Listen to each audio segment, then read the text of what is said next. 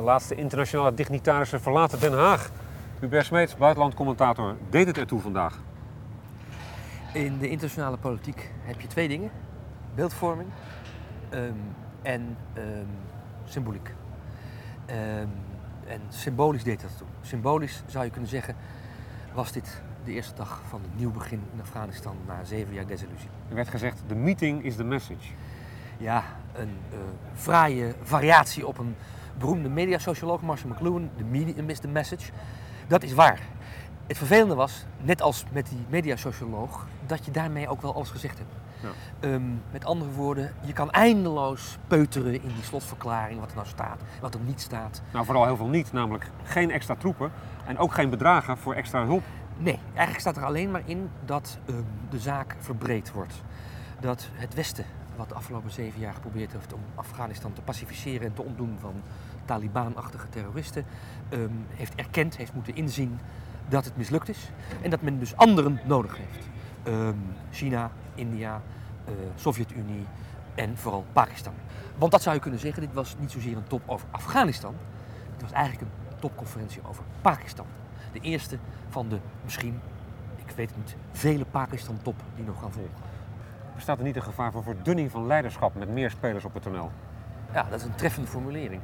Uh, er zijn niet alleen meer partijen op het toneel gekomen uh, vandaag in Den Haag, maar die partijen spelen ook allemaal hun eigen spel.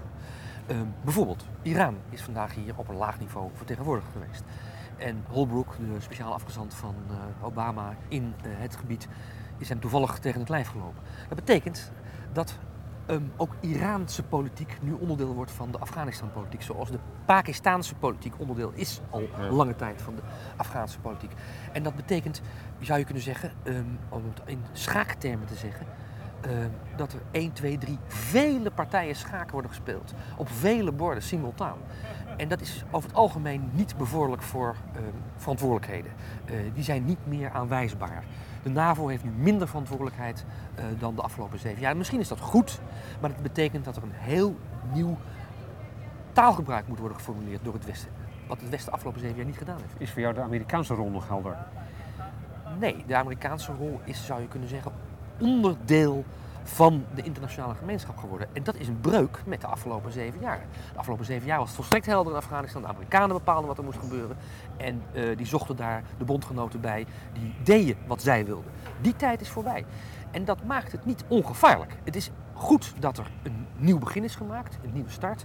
Uh, het is goed dat je zou kunnen zeggen uh, dat het Afghaanse, de Afghaanse kalender weer bij het jaar nul begonnen is vandaag.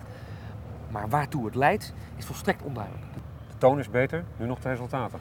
Ja, de muzieksoort die nu gespeeld wordt, is aanzienlijk beter dan de afgelopen zeven jaar. Alleen dat wil niet zeggen dat uh, iedereen nu mee gaat doen. Um, en daar zou nog wel eens een zware pijp gerookt kunnen gaan worden door Obama en Clinton. Uh, want de rol van China, ja. niemand weet het. De rol van Rusland, niemand weet het. De, het gaatje wat Iran gaat vinden, niemand weet het. Met andere woorden, er zijn tal van onzekere factoren en variabelen.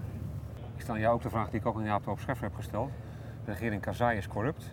De oppositie in de vorm van de Taliban is extreem gewelddadig. Bin Laden loopt vrij rond en het land is straatarm. Tel uit je winst.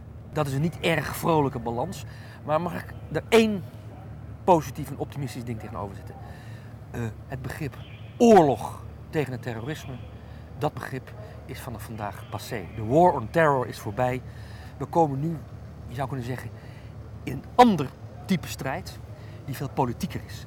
En het enige voordeel van politiek boven oorlog is dat het vaak ook met andere middelen dan wapens wordt gestreden.